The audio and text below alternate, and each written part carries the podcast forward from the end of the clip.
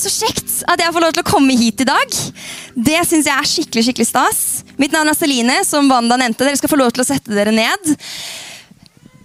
Wanda nevnte det. Jeg heter Celine, jeg er 23 år og bor i Bergen. Byen der det regner mest av alle steder i hele Norge, tror jeg. Det har jeg fått kjenne, dessverre. Men jeg elsker den byen av hele mitt hjerte. Men det er veldig kjekt å være tilbake her òg. Dette her er kirken min. Her eh, kommer jeg hjem. Selv om jeg ser her at det er mange ansikt jeg ikke kjenner. Og jeg syns det er skikkelig stas. At det betyr at eh, De siste fem årene så vokser denne kirken. Ser det at nye strømmer til og blir tatt godt imot. Og det er ingenting som varmer mitt hjerte mer enn det. Jeg har fått være her hele denne helgen. Jeg var her på fredag, kom inn og talte for ungdommene på Puls. Og det var veldig kjekt. Det synes Jeg jeg elsker å være med ungdommer. Og kunne snakke om Jesus for de, og dele mine erfaringer som eh, et helt liv med Jesus, på godt og vondt. Det syns jeg er veldig fint. En ting jeg klarte å prestere å si feil på fredag, det var at jeg sa 'hytten' istedenfor 'hytta', som jeg egentlig har sagt hele mitt liv. Eh, jeg fikk gode tilbakemeldinger på talen, men det var kanskje det jeg fikk høre mest. Sier du 'hytten'? Så jeg beklager hvis jeg sier noen feil ord i dag. Er det vanskelig å forstå meg, så tror jeg det finnes noe tolkningsutstyr et eller annet sted. Det kan hende det er bedre å høre det på engelsk enn å høre sånn eh, pen eh, østlandsk eh, kaksete språk. Beklager det. Martin kommer til å le høyt hvis jeg sier hytten eller klokken eller kirken. Men det skal gå fint. Å være tilbake her det bringer mange minner, men samtidig så bringer det en stor takknemlighet. Jeg kjenner en stor takknemlighet til å komme til en kirke og ha vokst opp i en kirke der jeg har hatt gode forbilder, der jeg har fått eh, vokse i tro, vokse som person, min personlighet og min karakter. Jeg har hatt voksenpersoner som har vist meg hvordan å leve et helt liv sammen med Jesus. Ikke bare ved å gå i kirken, men også ta med Jesus inn i hverdagen. Og jeg har skjønt det sånn at Temaet for dette året her er å tjene hverandre med de gavene vi har fått. Og Det skal jeg snakke litt videre om her i dag. Hvordan kan vi tjene Gud med det vi allerede har? Jeg skal ta opp det bibelverset i første Peters brev. Tjen hverandre, hver og en, med den nådegave han har fått, som gode forvaltere av Guds mangfoldige nåde. Hva vil det si å tjene? Jo, å tjene er å legge vekk sitt eget for at noen andre skal få noe bedre. Så enkelt er det. Og hvilken gave? Hva er det vi har fått? Og hvordan kan det brukes? Det skal vi se litt nærmere på i dag. Jeg har tatt med en stav. Det er ikke fordi jeg er gammel. Jeg kjente på det på fredag at jeg var litt eldre enn det jeg var sist jeg var i Pinsekirken som deltaker selv. Men jeg har denne med fordi at jeg skal snakke om et stort forbilde fra Bibelen, nemlig Moses. Han vokste opp i Egypt. Men han var faktisk ikke en egypter selv. Han var en jøde. Men han vokste opp hos farao, som var den ledende, den øverste lederen i Egypt. Så han bestemte egentlig alt som skjedde i dette landet her. Og den kjipe tingen var at i dette landet så ble israelsfolket, altså jødene, veldig urettferdig behandlet. De var slaver og måtte arbeide dag inn og dag ut. Og etter hvert som Moses vokste opp, og ble mer og mer voksen, skjønte mer og mer av hva som skjedde, så fikk han et hjerte for sitt folk. Han fikk et hjerte for jødene og skjønte at dette var ikke riktig. Og en dag så ser han en jøde som blir urettferdig behandlet der han er ute og jobber på pyramidene.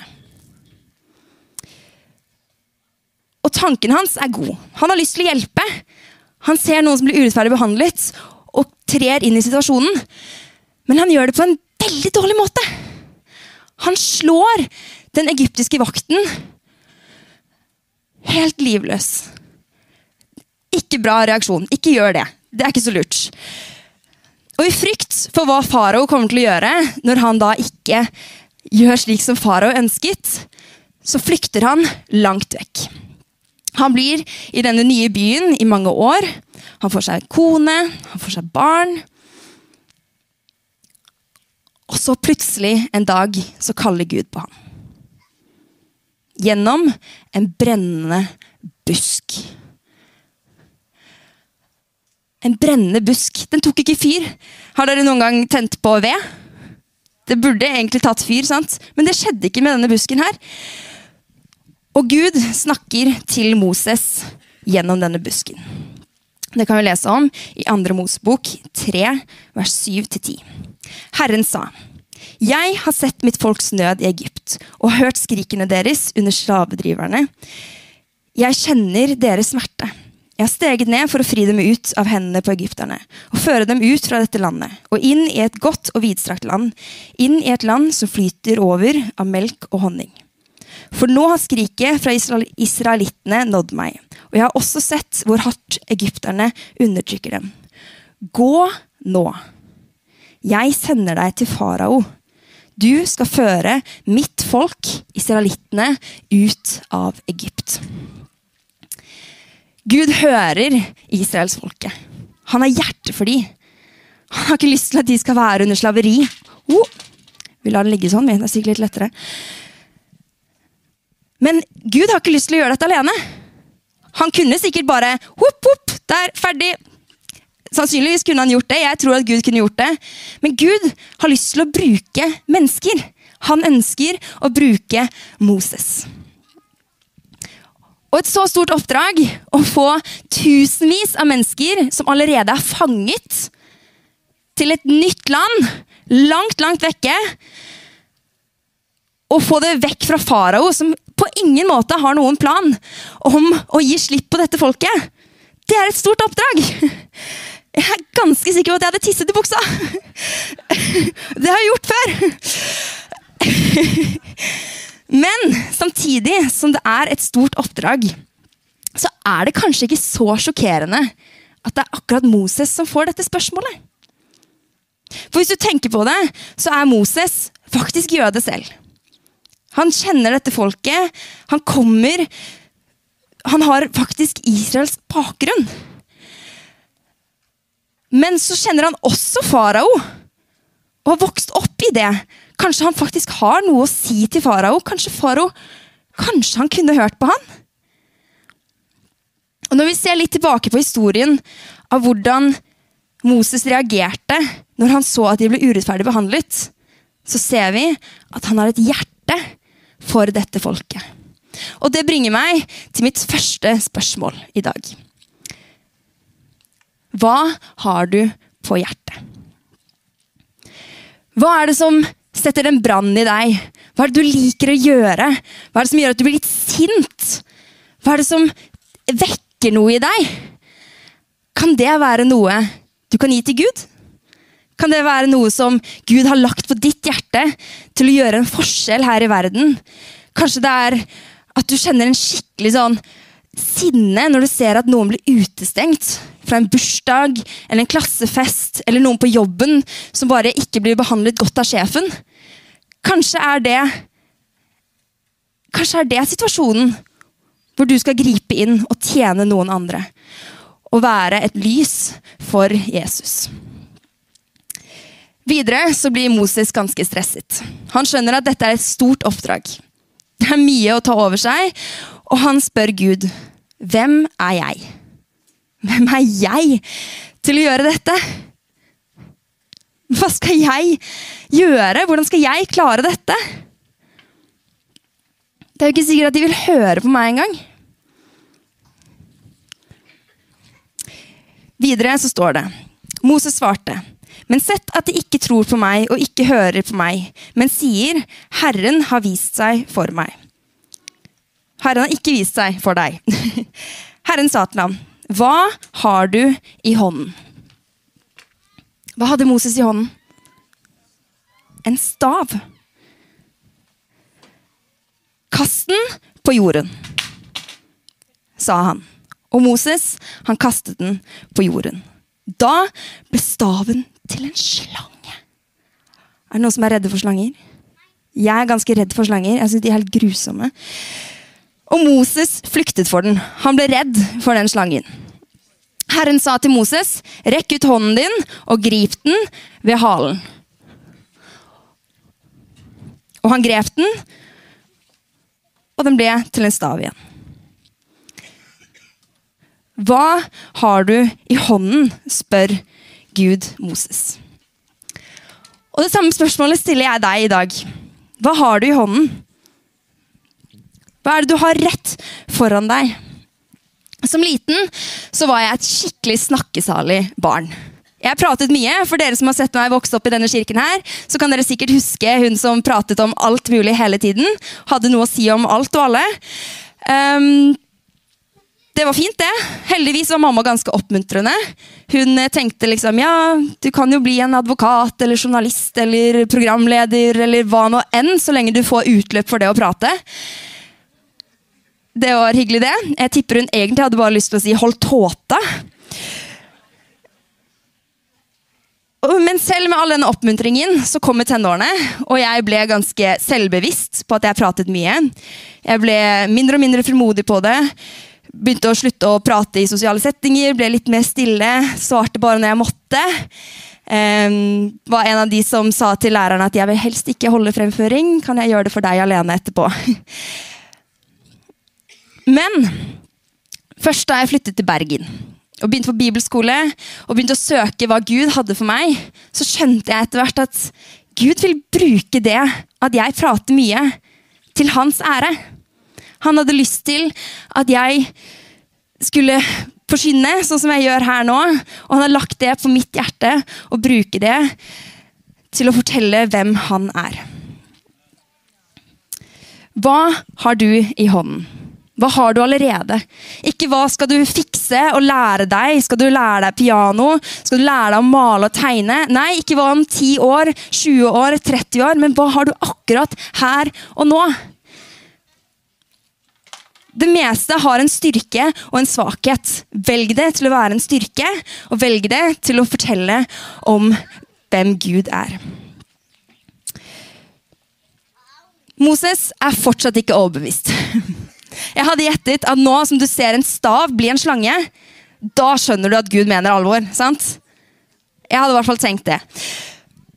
Men han spør om enda flere bekreftelser, og så sier han til slutt Men Gud, jeg er ikke en ordets mann. Jeg stokker på ordene, jeg snakker treigt, og jeg kommer ikke på hva jeg skal si når jeg først står foran mange mennesker. Hva skal jeg gjøre? Men Gud, han svarer med disse ordene. Gå nå! Jeg skal være ved din munn og lære deg hva du skal tale. Han trenger ikke gjøre dette alene. Gud er med Moses på dette store oppdraget. Dette bibelverset har vært tett på mitt hjerte opp gjennom årene. Mamma hun lærte meg denne som en sang, så jeg aldri kommer til å glemme denne. Gå nå, og jeg skal være ved din munn og lære deg hva du skal tale. Gå nå, og jeg skal være ved din munn og lære deg hva du skal tale. Bli med. Gå nå, og jeg skal være ved din munn og lære deg hva du skal tale. Gå nå, og jeg skal være ved din munn og lære deg hva du skal tale. Tenk for en velsignelse, tenk for en glede å kunne ta med seg de ordene inne i ulike situasjoner. Tenk deg at vi kan stole på at Gud faktisk er med når vi har fremføring på skolen. Når vi ikke vet hva vi skal si til venninnen vår som vi såret. Eller når vi kommer på jobben og er livredd for at noen skal skjønne at jeg var i kirken i går. Gud kan være ved vår munn og lære oss hva vi skal tale. Hva har Gud sagt deg? Hva kan du ta med deg i din hverdag?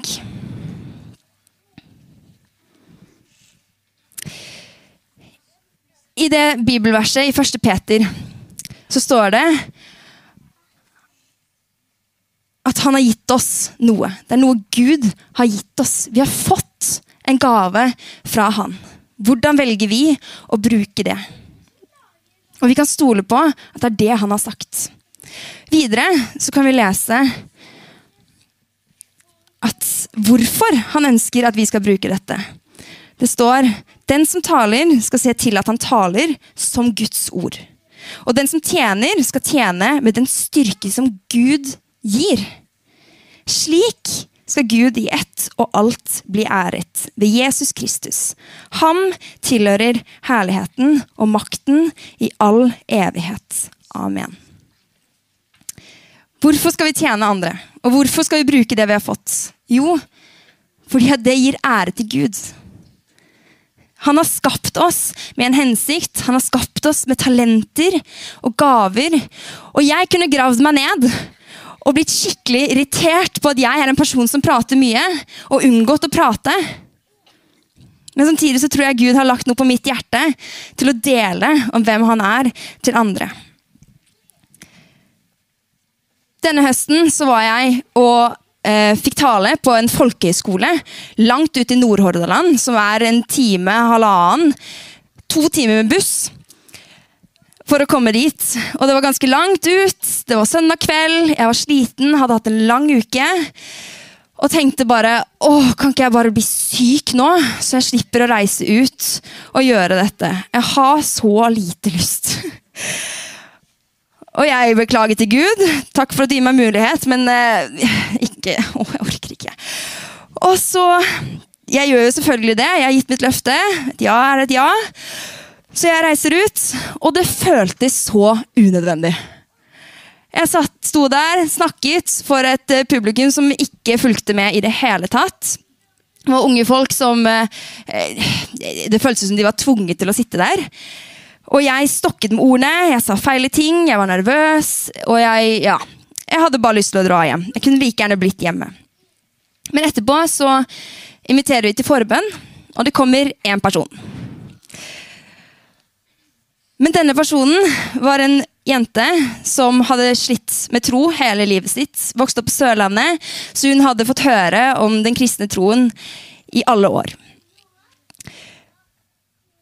Og hun forteller det at liksom Jeg vet ikke helt om jeg tror, jeg syns det er vanskelig. Jeg har prøvd hele veien.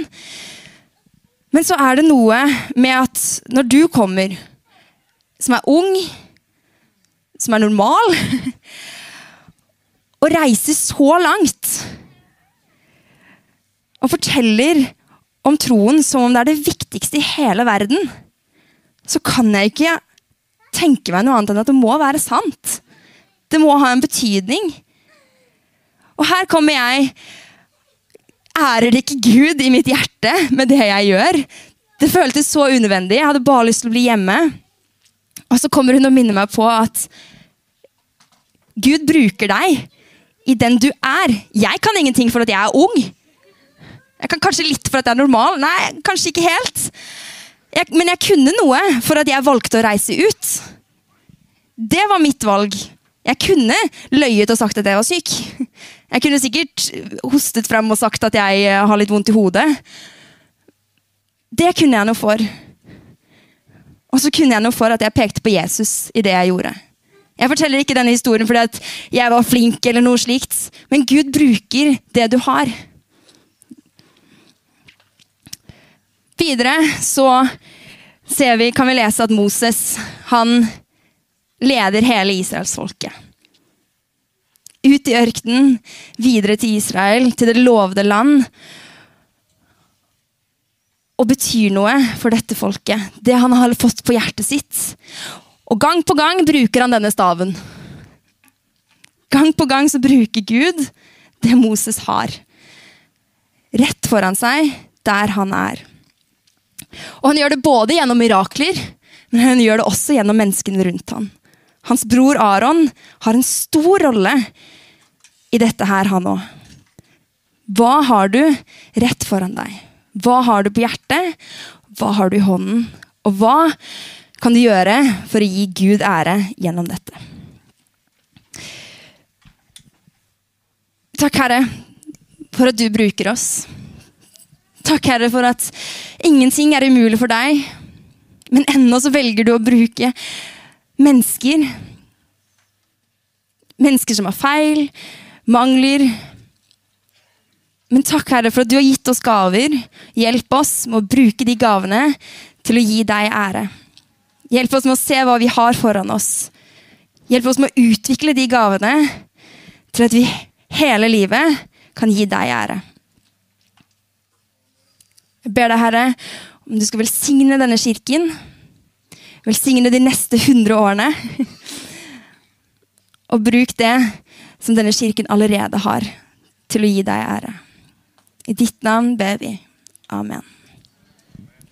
Nå skal vi få høre fra Big Bite, som skal komme opp og synge. Og det også er en måte vi kan bruke de talentene vi har, til å gi Gud ære. Så gi de en applaus.